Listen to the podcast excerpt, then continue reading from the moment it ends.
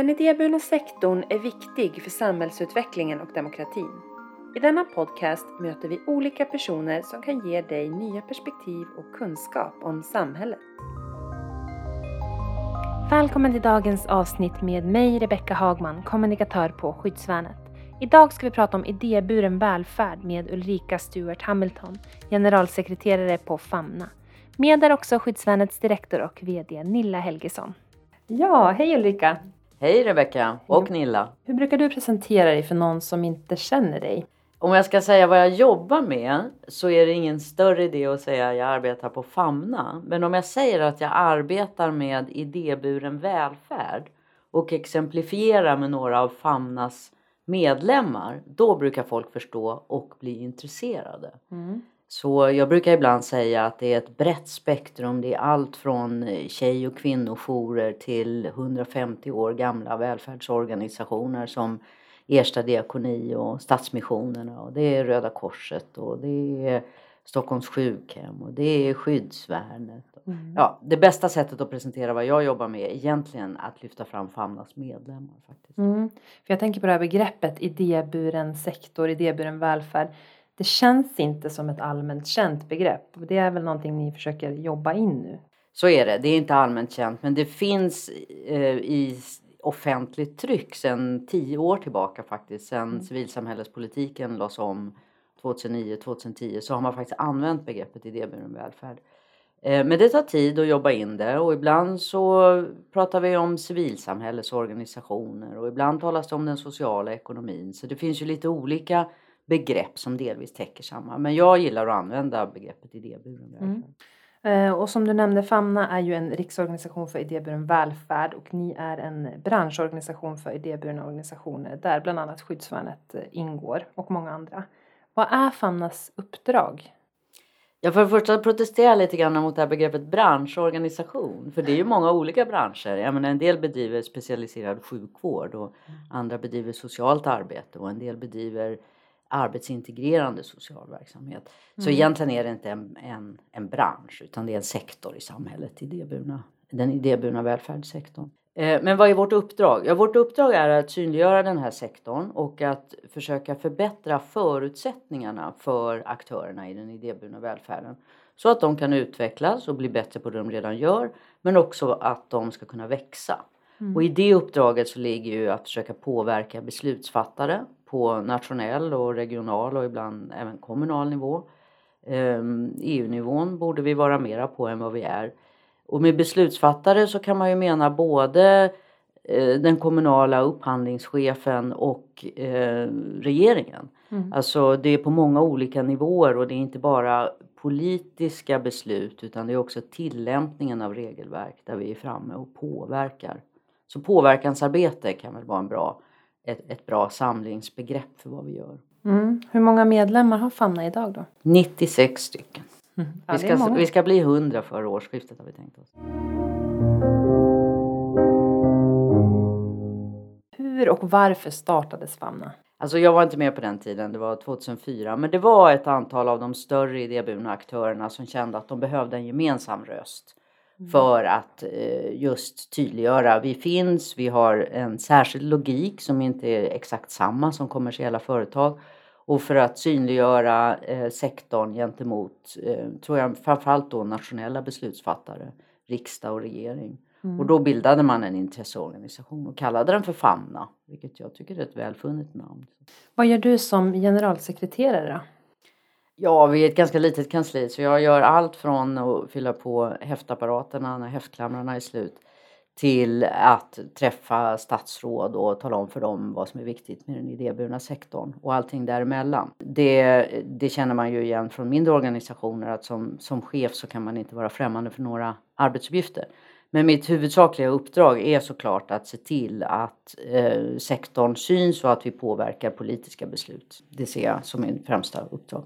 Är det ett spännande arbete? Det är jättekul. Mm. Verkligen. Vad är det som driver dig i arbetet då? Vad ligger närmast hjärtat?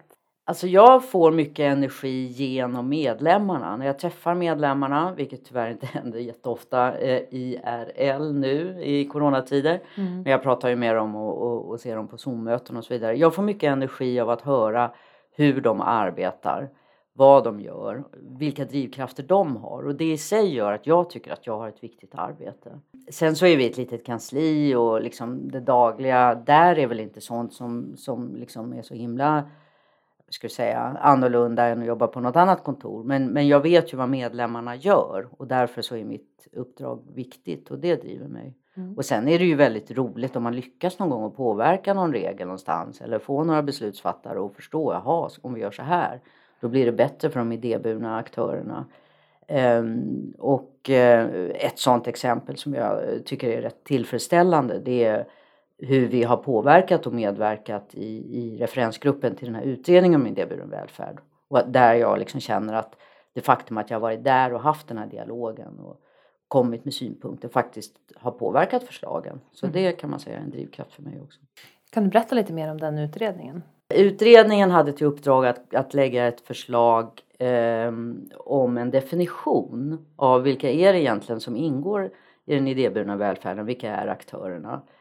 Eh, och det har de gjort och det har de gjort bra. De har också analyserat det EU-rättsliga utrymmet för att eh, vidga frihetsgraderna kan man säga inom lagen för offentlig upphandling och inom valfrihetssystem, LOV, för att, eh, för att, ja, för att vidga utrymmet för idéburna aktörer och möjliggöra för kommuner och regioner och stat som vill upphandla mer idéburet att, att göra det. Mm. Um, när det gäller den här definitionen så kan man tycka att ja, ja, men vi vet väl redan vad idéburna är och Famna har såklart en, en definition. Men eh, de har ju lagt, utredningen har ju lagt ett förslag med eh, fyra kriterier som skulle underlätta för till exempel eh, kommunala tjänstemän och, och, och de i regioner och så att veta, är det, är det en idéburen aktör vi har att göra med eller är det inte det? Så att jag tycker det skulle vara väldigt bra om den här utredningen i, i de delarna också så småningom blev en proposition som går igenom Sveriges riksdag. Mm. Kan du beskriva hur Famna vill att vård och social omsorg, skola och arbetsintegrering ska bedrivas? Ja, det är ju egentligen medlemmarna som ska svara på den frågan, hur det ska bedrivas. Mm. Det vore förmätet att jag som generalsekreterare eh, hade synpunkter på det. Mm. Vad jag däremot kan säga är att i, i, i Famnas uppdrag så ligger det också att försöka bidra till kvalitetsutveckling. Att, att eh, skapa nätverk och projekt och annat som gör att medlemmarna kan utvecklas i det de gör, att bli bättre på det de redan gör. Och det är ju inte så att vi på kansliet sitter och talar om för någon att nu ska ni jobba så här istället. Men mm. vi har till exempel ett tillväxtprojekt som ska hjälpa medlemmarna och tänka, ja, ge dem redskap att tänka mer i tillväxttermer. Vi har ett kvalitetsnätverk där man delar med sig av erfarenheter om hur man bedriver kvalitetsarbete och så vidare. Mm. Så att ja, det vore mig främmande att svara på frågan hur det ska bedrivas, men vi försöker skapa bättre förutsättningar för utveckling av idéburen mm. välfärd. Mm. Vi har ju varit inne på det lite grann men just idéburen välfärd det är ju ett brett begrepp. Eh, hur kan man definiera det? Vad är idéburen välfärd? Alltså det är ju välfärdsaktörer som inte har ett vinstsyfte. Därmed inte sagt att de inte kan gå med vinst utan det som skiljer eh, de här aktörerna från privata företag i den delen är ju vad man gör med de pengar som blir över. Och eh, då har ju Famna som kriterium att man återinvesterar dem antingen i den egna verksamheten eller i andra idéburna verksamheter. Ehm, det är ju ett viktigt kännetecken som särskiljer idéburna välfärdsaktörer från privata företag mm. och från offentliga aktörer ska man säga. Så att vi, vi ser oss själva som en tredje sektor, eller egentligen den första, men det är svårt att leda i bevis nu för tiden. Ehm, men sen så finns det ju andra kännetecken också och det är ju att nästan alla våra medlemmar har ju en särskild ideologi eller en människosyn eller en knytning till ett samfund eh, det kan, eller några andra värdegrunder och de är väldigt olika. Jag menar, mm. vi har medlemmar som är feminister, vi har medlemmar som är antroposofer, vi har medlemmar som är sprungna ur Svenska kyrkan eller andra eller frikyrkor. Ehm, ett judiskt äldreboende och så vidare. Men, och, så, och så finns det de som bara har, liksom, eller bara, som har en särskild vårdideologi eller en filosofi kring en helhetssyn på människan. Eh, och sådana värdegrunder finns eh, hos alla våra medlemmar vågar jag påstå. Och det är ju också någonting speciellt. Och mm. eh, som du hör på min upprep, uppräkning här så är de ju olika, vilket i sig är spännande. Men de bidrar var och en i varje organisation till den organisationens sätt att arbeta och värdegrund och drivkrafter. Så att det här med att man återinvesterar överskottet i egen verksamhet eller i andra idéburna verksamheter och att man har en sorts sammanhållen filosofi i botten för det man gör. Eh, det skulle jag vilja säga är kanske de viktigaste karaktärsdragen. Mm. Skulle du säga att det alltid är bäst att välja idéburet? Nej, det kan jag ju inte säga att det alltid är bäst. Eh, och då kan vi komma in på en av våra favoritkäpphästar och det är ju att det saknas ofta offentlig statistik. Oavsett om det gäller öppna jämförelser mellan hur man bedriver olika äldreboenden eller hur man bedriver äldreboenden ska jag säga. Eller vad det nu är, där man delar upp ordentligt så att man kan identifiera de idéburna för sig. Mm. Utan i offentliga sammanställningar, och då menar jag inte bara Statistiska centralbyrån, det är Socialstyrelsen och det är IVO och det är ja, Skolinspektionen, alla. De ser offentligt och privat. Det finns mm. bara två sektorer och vi säger att det finns tre sektorer. Och vi vill ju gärna att när man sammanställer, det kan ju vara kvalitetsindikatorer, det kan vara antal, vilka som finns och så vidare, att man ska dela upp det i tre.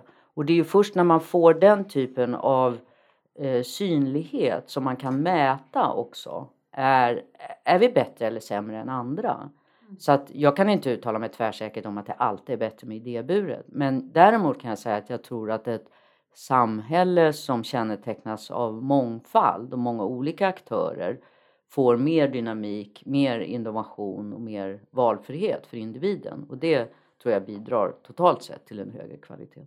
Verkligen. Ja, eh, innan pandemin så hade vi ju lite konferenser och mässor och liknande eh, i verkligheten. Och jag vet att eh, du alltid försöker se till att vi ska ha något kulturellt inslag på allting som Famna anordnar. Och det är ju en annan del av den idéburna sektorn. Så jag tänker bara så här, hur ser du samarbetet idag i den idéburna sektorn? Ja, det där med kulturinslag, det saknar jag själv väldigt mycket faktiskt.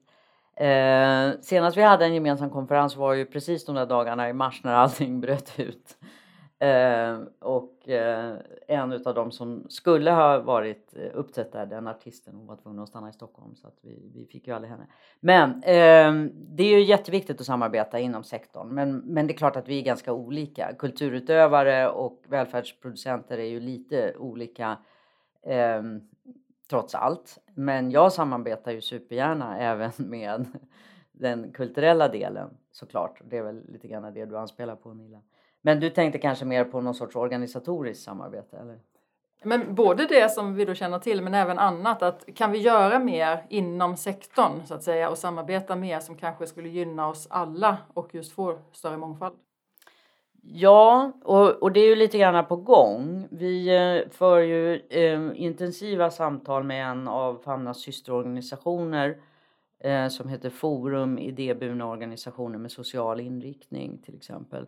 De har lite annan betoning än vad vi har. De eh, ser mer till förutsättningar när det gäller demokrati och yttrandefrihet och mångfald i den delen och inte fullt så inriktade på att så att säga göra saker och producera välfärd. Men, men vi vill ju samarbeta närmare med dem för vi tycker att det vore bättre. Det pågår ju också sammanslagningar när det gäller civilsamhällets ehm, eh, arbetsgivarorganisationer eh, som har kommit underfund med att vi kan få en bättre styrka om vi talar med lite mer en röst. Och där vill ju gärna Famna vara med också och se om vi kan skapa en större helhet. För en sak som kännetecknar civilsamhället det är ju det att så fort någon får en idé så skapar man en ny förening för det. Eller ett nytt nätverk. Och någon gång kanske det är bra att, att försöka konsolidera det där lite grann och, och, bli lite tydligare. Vad är vi? Det är väldigt charmigt men det är inte alltid så effektivt. Det finns hur många organisationer som helst som kallar sig för paraplyorganisationer och har råd med en halv kontorist och en halv kommunikatör och någon som sköter IT-systemet i bästa fall. Eh, och då tänker vi att om alla de där jobbade tillsammans istället och försökte skapa bättre förutsättningar för, för idéburen sektor så, så skulle nog mer bli gjort. Och, och sådana krafter är ju på gång eh, när det gäller organisationerna. Men om, man ska ju inte tro att, att vi liksom ska bli lika varandra. Det är klart att ideell kulturallians eller andra kulturföreningar, för att återknyta till din fråga Nilla, Eh, Eh, de har ju andra eh, förutsättningar och andra drivkrafter än vad, än vad Famna har. Men vi har medlemmar båda två och vi vill göra saker för våra medlemmar och i vissa avseenden så är vi lite beroende av offentlig sektor och dess beslut och dess finansiering. Så det är klart att det finns likheter. Och sen så finns det sådana här konkreta frågor där vi behöver samarbeta bättre. Effekten av vissa momsregler till exempel och sådär som inte har så himla mycket med själva innehållet i det vi gör eh, men som skapar problem och snubbeltrådar för oss. Så att jag tror rätt mycket på ett mycket tajtare samarbete och en mer effektiv organisationsstruktur i vår del av det svenska samhället. Ja.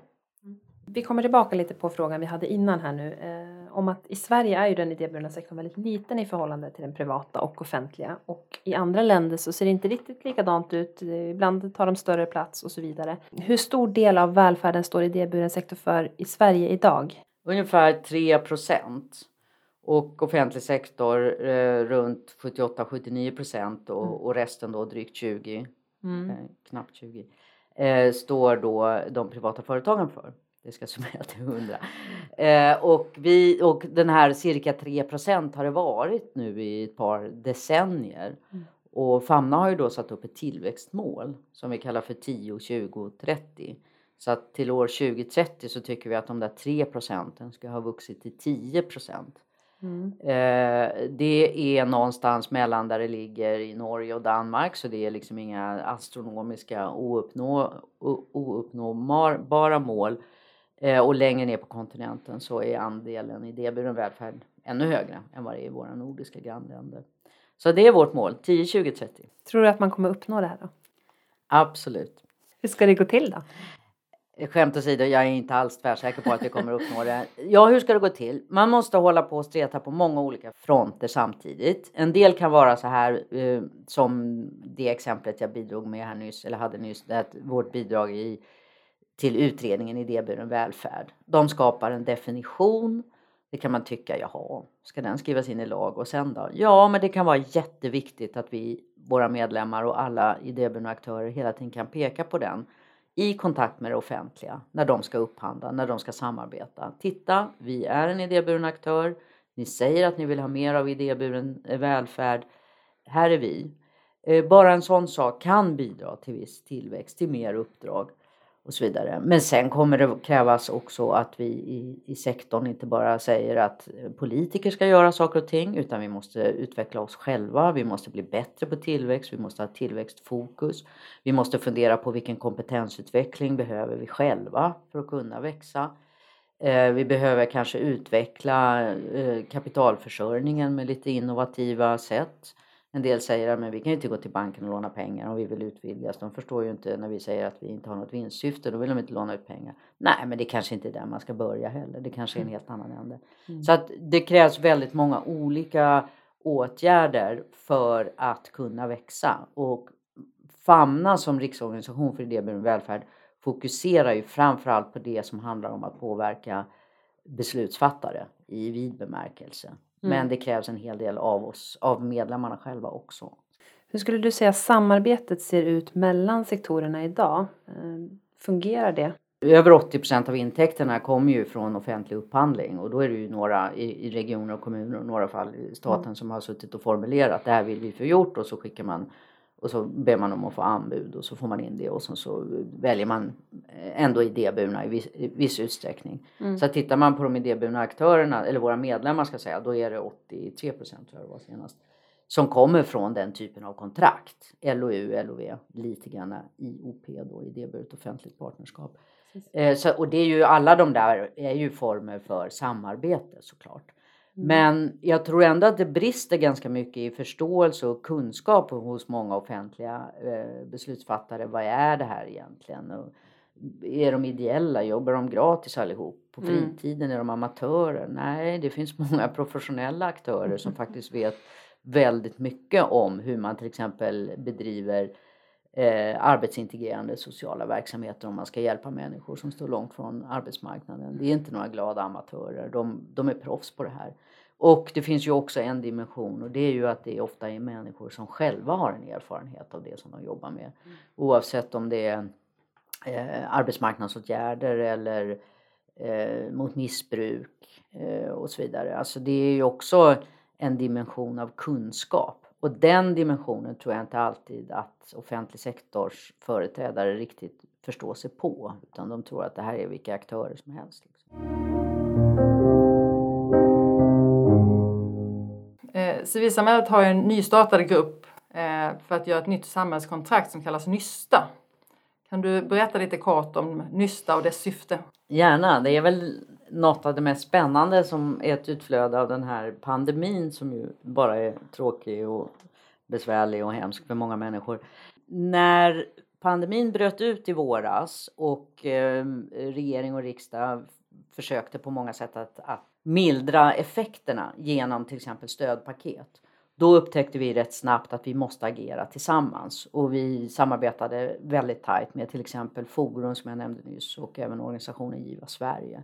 Så att famna Forum och Giva Sverige, vi skrev ihop flera förslag och skickade över till regeringen och så här borde ni utforma de här stödpaketen så att även civilsamhällesorganisationer kan ta del av det. Det var allt från att kräva inte F-skattsedel för det har inte alla till det är de här ekonomiska effekterna som vi kommer se i sommar när sommarskolor och ungdomsverksamhet inte kan genomföras och så vidare.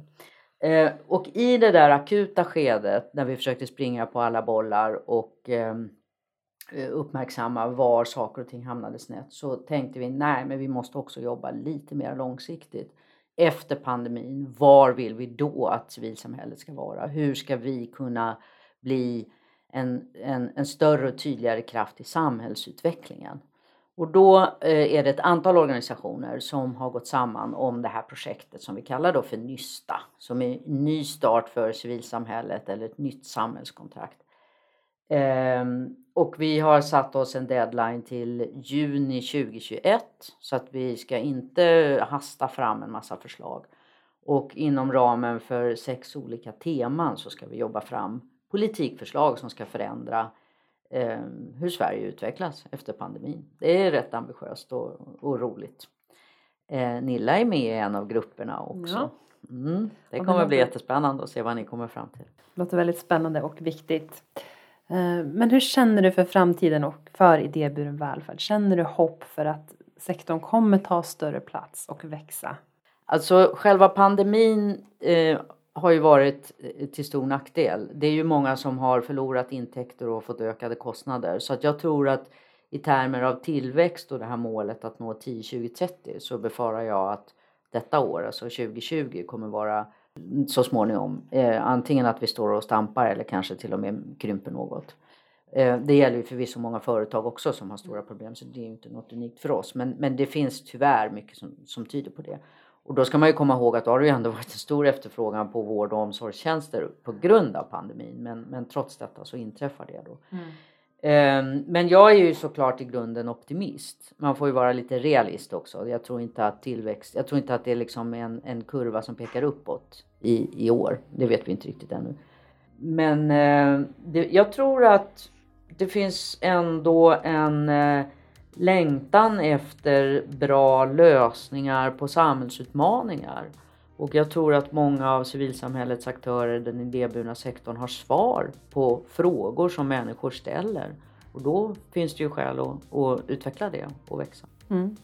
Vi får hoppas på det. Från en fråga till en annan och den ställer vi till alla gäster. Kan du dela med dig av någonting som du tror att många inte vet om dig? de flesta som lyssnar på det här vet nog antagligen ingenting om mig. Så jag kan väl säga vad som helst. Um, ja, det som inte står på mitt CV är att jag eh, på min fritid tycker att det är väldigt roligt att snickra. Så att jag håller på med möbelsnickeri. Mm -hmm. um, och uh, ja, Nilla har ju snuddat vid det här eh, kulturintresset som då är, uh, ligger lite på is för det finns inte så hemskt mycket att ta del av. Men jag är annars en ganska flitig kultur konsument och har själv musicerat i ungdomen. Och så. Var väl den typen av svar du ville ja. ha? Var det Verkligen, perfekt. Men du, då får vi säga stort tack till dig för att du kom hit och delade med dig av din kunskap. Tack, det var jättekul.